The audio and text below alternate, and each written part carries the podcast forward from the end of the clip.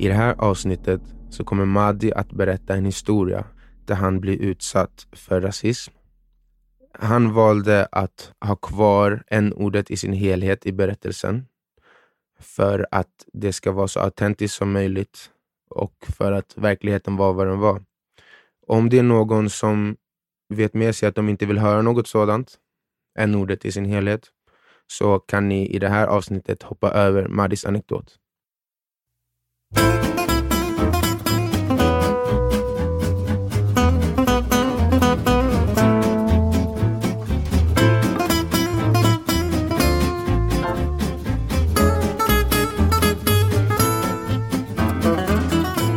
Marvin, Mhm. har du träffat någon som har visat dig något som du inte riktigt kan förklara liksom, med mänsklig kunskap? Alldaglig mänsklig ku- kunskap? Du menar typ, har jag stött på någon som kan något ockult eller något sånt? Eller? Ja, alltså jag vet ju att du tycker Jordan och Kobe är övernaturliga, men jag menar mer som en magiker eller typ en mystiker. Eller någonting. Hmm. Jag har inte sett det med mina egna ögon, nej. Kommer du inte ihåg den där gången i Gambia? Minns du? Ja, men det var ju inte som- svårt att se vad, som, vad han gjorde. Ja, du var inte alls övertygad. Vad var det han gjorde då? Han Kommer sa att han hade någon juju som gjorde så att han kunde skära, hans hud var impenetrable. Så han tog ju... Nej, aha, det var den jag med såg, jag var inte också. med på den andra. Det var du och Rodde. Jo, du var ju med. Kommer du inte ihåg? Nej, ah, du var inte med när han kom till huset? Nej, när han kom till huset med musiken va? ah, Jag trodde du var med. Ah, nej, nej. Ah, när eh, mina farbröder Mbake och Modibo sa att så här, ah, det finns en kille som, som liksom kan eh, som har övernaturliga krafter eh, för att han har studerat Koranen och våra kulturella traditioner så djupt. Mm. Så att eh, Det var jag, jag, tro, jag trodde du var med men det kanske var Rodde då. Mm. Och så var det några andra som bodde i, i vårt hus och eh, vi bad min farbror då ringa över den här killen. Mm. Eh, och så kom han en kväll. Det, klack, det knackade på dörren, så kom han in där och så bara började, skulle han börja demonstrera alla de här, de här övernaturliga krafterna. Och det handlade ju mycket, alltså det var mycket, lite som magi. Mm. Vet, han kunde trolla fram pengar och han, han kunde typ trolla fram vatten via ett radband han hade. Det var såna grejer. Var inte du med där? Nej. Det här, Nej, jag, tror att, jag tror att, för jag kom ju senare några gånger när vi var där tillsammans. Ja. Eh, Jag tror att det här var innan jag kom ett, något år. För att jag kommer ihåg att jag Ja. hörde om det. Men jag, och, och, och sen så gick vi och kollade på den andra grejen. Han som var det, han helt som skulle skära sig själv. Men jag har i alla, fall, i alla fall träffat några stycken sådana och alla har varit i Gambia. För att, eller de flesta människorna i Gambia tror ju på hela den här grejen. Liksom att, eh, det här, att det finns något övernaturligt Mm. och, som, och vissa människor kan ta del av det. Mm. Eh, och många, många använder ju också det i sin, sina alldagliga liv. Liksom besöker de här personerna för vägledning och de Mm. tror på jujus och, Mm. och allt sånt där. Mm. I Sverige är det nog lite vanligare att man ses som konstig om, om man säger att man tror på den typen av magi eller vad man ska kalla det. 99% Men, av eh, landet skulle tro att du har tappat det. Mm. men men jag, träffade, alltså jag, träffade, jag träffade ganska många för att det intresserade mig fett mycket. Mm. Men jag träffade ändå två, två, tre stycken som ändå gav mig den där upplevelsen där jag inte kunde lista ut vad det var som hände. Mm. Alltså som att det, det fick mig att känna och nästan övertyga om att så här, shit, det finns kunskap i världen som är liksom väldigt utanför det ordinära. Mm.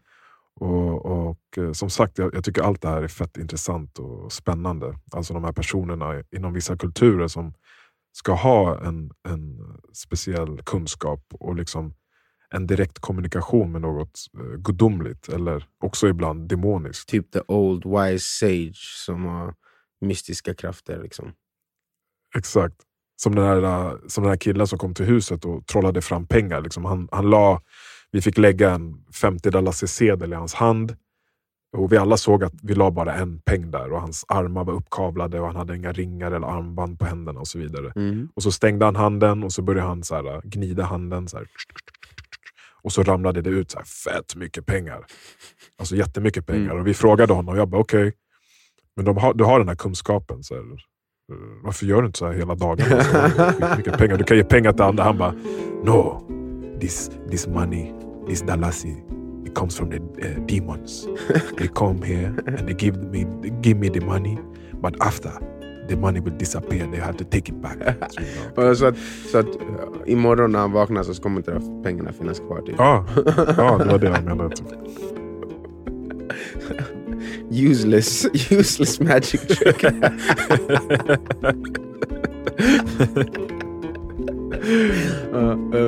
Han är inte en av dem som jag faktiskt uh, fick den där upplevelsen av att det kan vara sant. Liksom. Mm.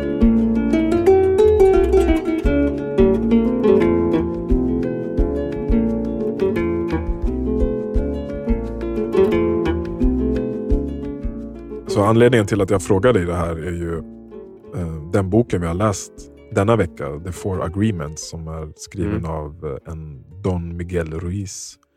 Eh, Ruiz. Han berättar då om en, om en grupp kvinnor och män för tusentals år sedan i, som fanns i vissa delar av Mexiko och var mm. kända för sina, ja, sin extraordinära visdom och metoder. Och De mm. kallades tolteker.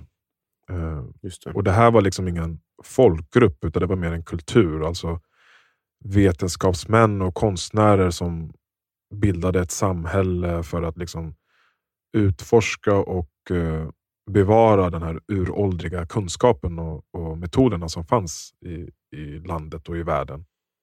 Mm. Så de hade liksom ingen etnisk eller familjetillhörighet eller nation, just specifik nationell tillhörighet, utan det var den här visdomen de alla typ sökte eller kultiverade som, var, som band ihop dem. Precis.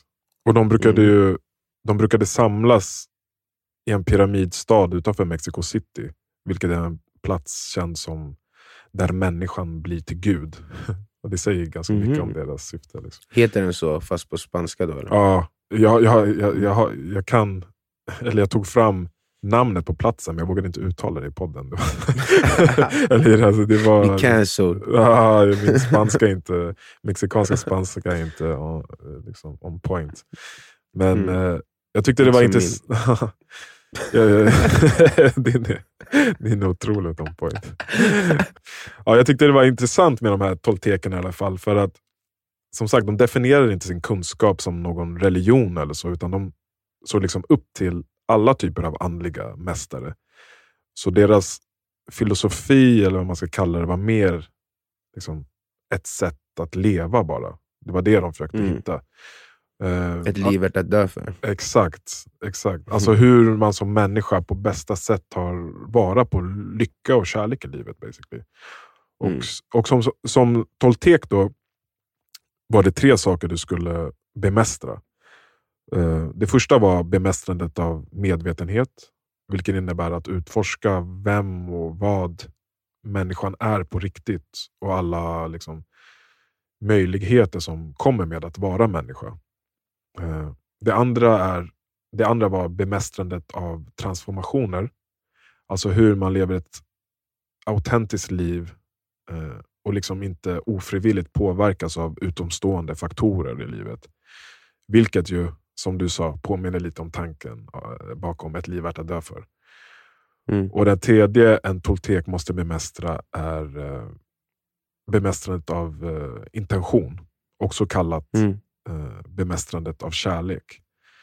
För från en tolteks synvinkel så är det just det som gör det möj möjligt att ta emot och ge ifrån sig energi och att komma i kontakt med det som omsluter all energi. Alltså det som alltså, vi kallar Gud. Måste man kunna ha alla tre? Ja, för att, kunna för att kalla det toltek. Liksom.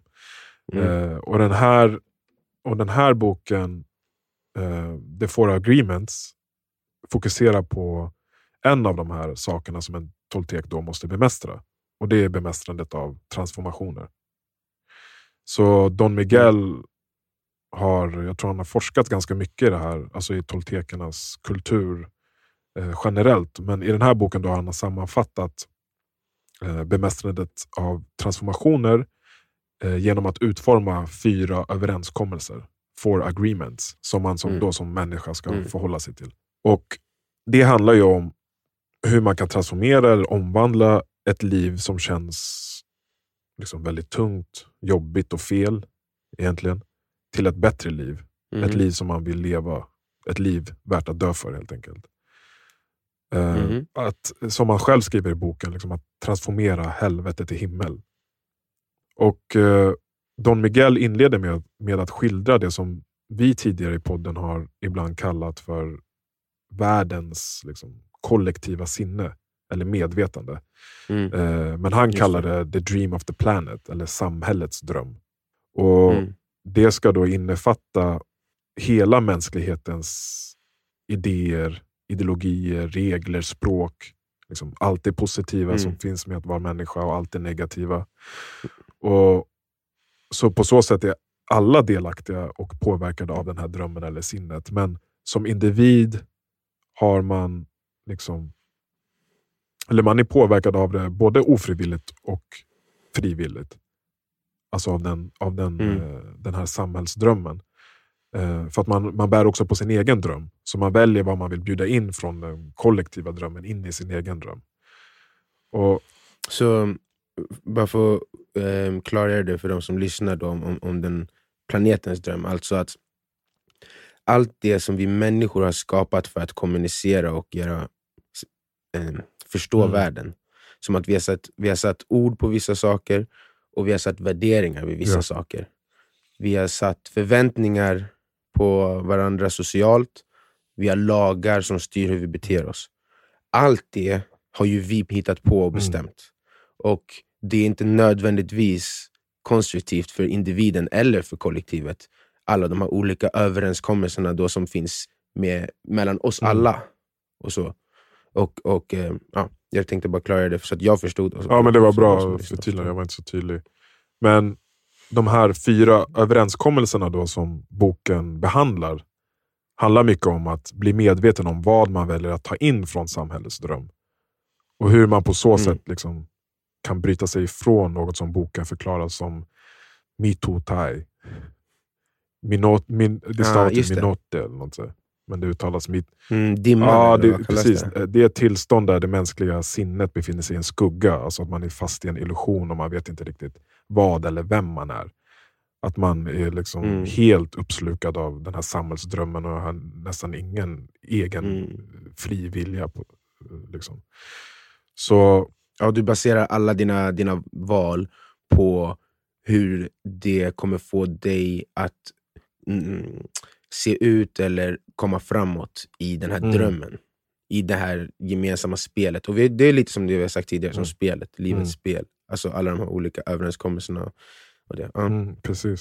Så boken, den här boken som jag läste, The Four Agreements, handlar helt enkelt om överenskommelser man gör med sig själv för att ja, kunna leva ett autentiskt liv.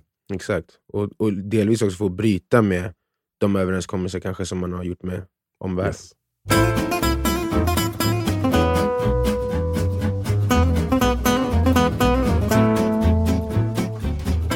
Ja, fan, jag, jag blev ändå jävligt sugen på att fortsätta prata om de här uh, övernaturliga människorna jag träffat i Gambia. Men det får vi ta ett annat avsnitt, tror jag.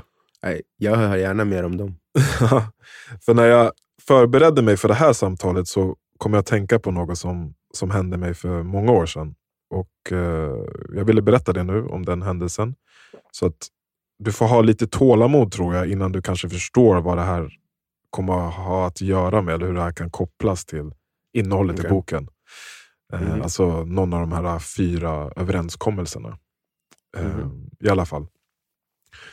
När jag var runt 16-17 kanske, ja men i den åldern, så hade jag en ganska bred umgängeskrets. Inte som nu när jag har typ tre kompisar. Liksom. Eh, jag var uppväxt, och, eller jag var uppväxt, jag, jag är uppväxt och, och bodde Mm. då i Gröndal.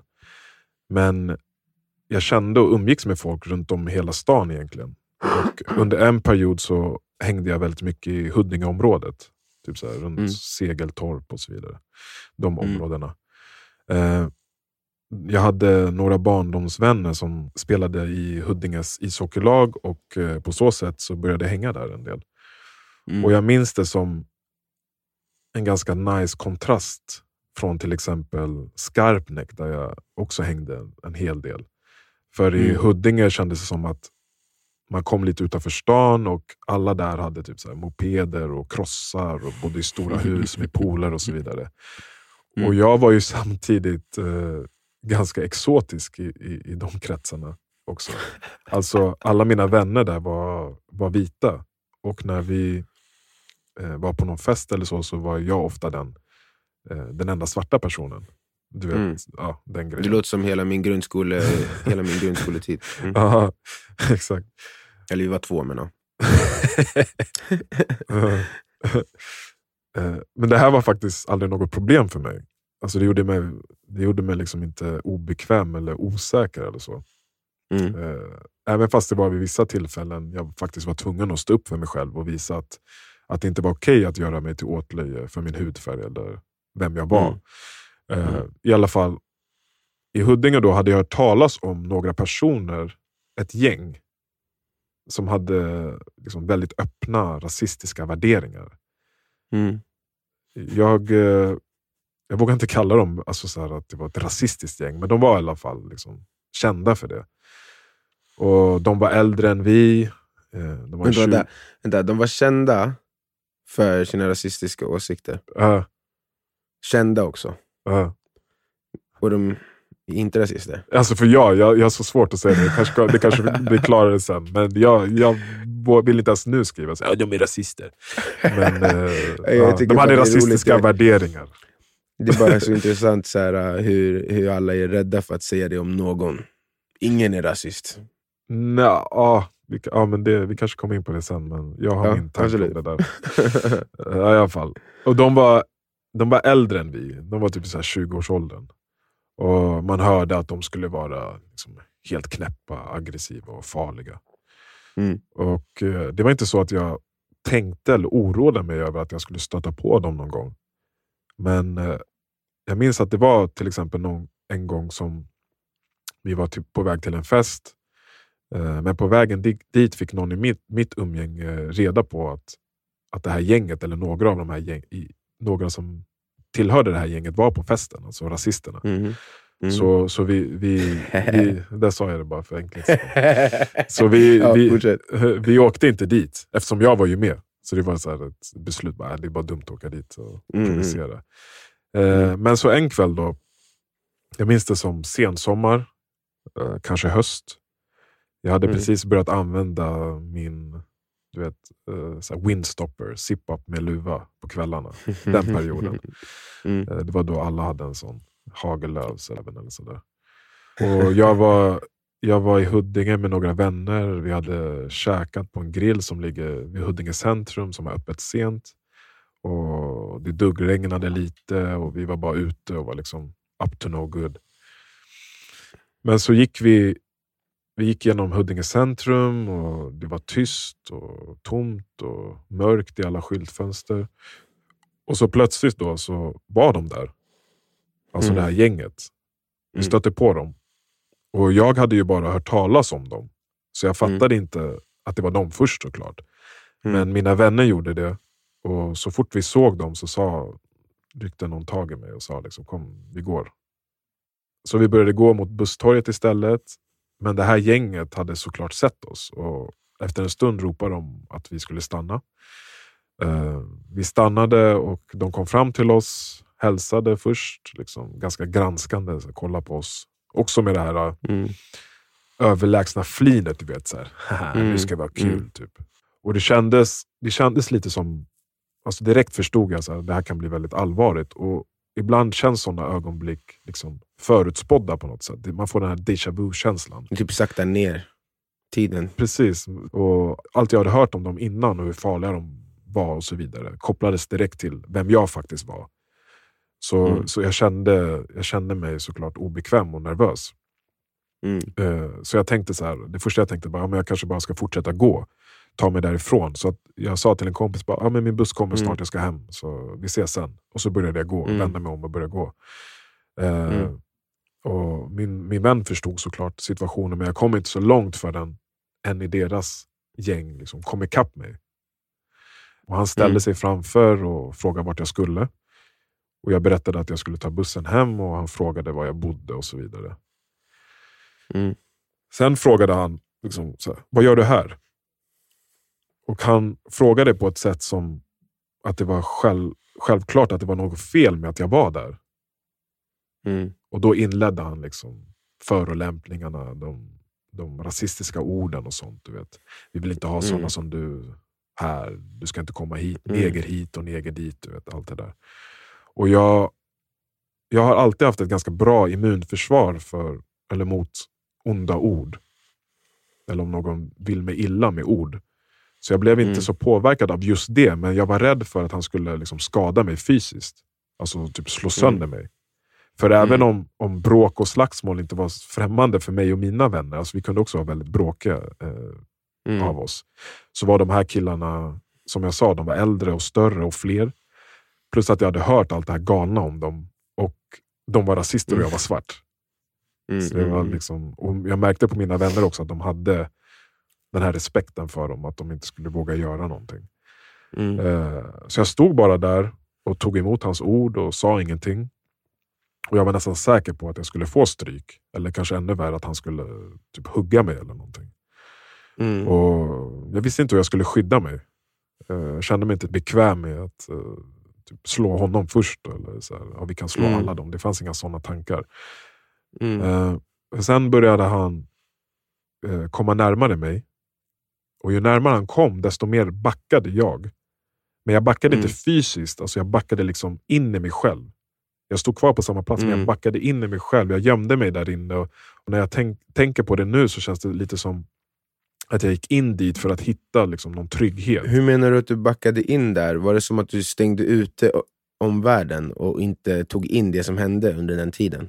Jag tog in det som hände, men det kändes som att jag kopplade bort den fysiska verkligheten.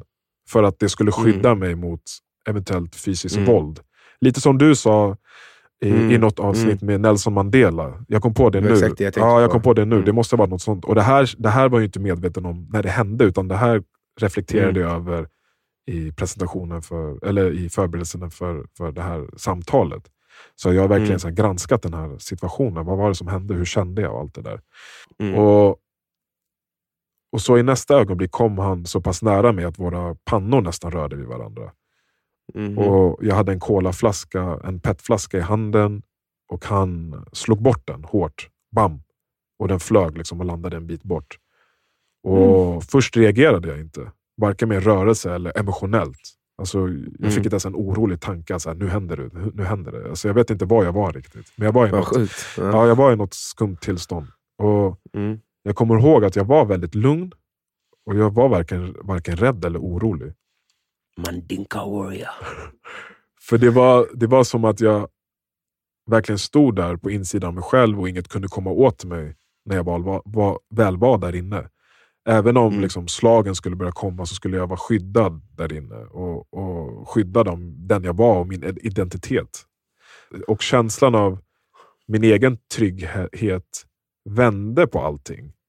Och jag började, liksom, jag började se honom istället för mina egna känslor och tankar. Alltså jag såg verkligen honom som svag, som sårad och som... Alltså, Mm. Även på något sätt att jag var medveten om hans överlägsenhet så tyckte jag synd om honom. Så efter en kort stund vände jag mig om och gick bort till flaskan.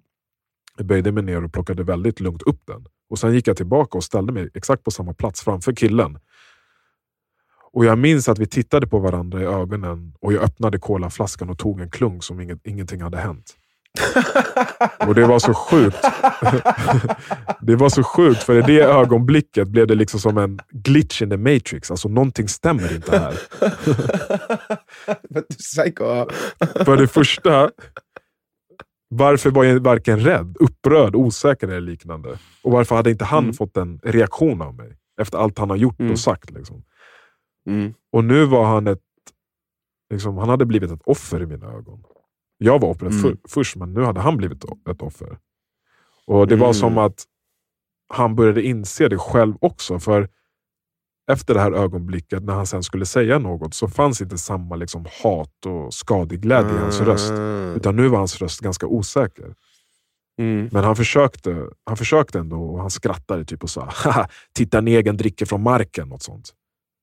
Men jag, jag bara stod där och jag minns inte vad jag hade för typ av ansiktsuttryck eller liknande. Men jag minns att jag var helt obrydd. Jag kanske till och med tog en klunk till av kolan. Nu när jag tänker på det så hände något som, som gjorde att min reaktion som skulle liksom svara an på de här tankarna och nerverna eh, jag hade som, som ville skydda mig från den här farliga situationen gick helt emot mm. hans idé om hur allt funkade. Alltså den delen av mm. samhällsdrömmen han levde i, som han hade till, mm. ta, tagit del av. För mm. inledningsvis så var det helt klart och tydligt om vem i den här situationen som var utsatt och vem som var härskaren. Mm. Vem som skulle få sin vilja igenom och vem som skulle skadas. Men att jag varken liksom stod emot honom eller gav efter i den stunden gick liksom den energin som, som jag utbytte med, med den här killen då, det gick inte ihop med mm. hans förväntningar och hur, han, hur den, den här situationen skulle utspelas. Mm, mm. Det, var bara, det var bara han som hade en intention här. Det var bara han som var mm. närvarande i konflikten. Och mm. till slut blev jag liksom bara en spegel framför honom. Så han stod, Det var som att han stod framför mm. sig själv som en clown och uppträdde för sig själv. Och Jag minns hur jag kunde iaktta hans liksom, förvirring i, i, i, mina, i min reaktion och liksom, att han kände sig mm. maktlös. För sen så plötsligt så, så började han liksom småprata med mig om annat. Han frågade vad vi hade gjort ikväll och, och så vidare. Alltså så här, ja, vanliga frågor som att du skulle börja prata med någon på busstationen. Liksom. Och Jag svarade helt normalt, som ingenting hade hänt. Och Sen frågade han så här, ja, men vad heter du? Jag bara, jag heter Maddi. Och han började svänga lite med kroppen. Han såg sig omkring. Han tittade på mina vänner. Han tittade på sina vänner. Och Sen gick han fram till mig igen. Mm. Men den här gången la han armen över mina axlar och sa något som Fan, du är ändå en riktigt skön neger ändå. What the hell? alltså det är så jävla sjukt. Och så efter det var det liksom kompis-kompis helt plötsligt med han och hans nassevänner en stund. Innan vi, innan vi gick därifrån. Liksom. Wow. Thank you.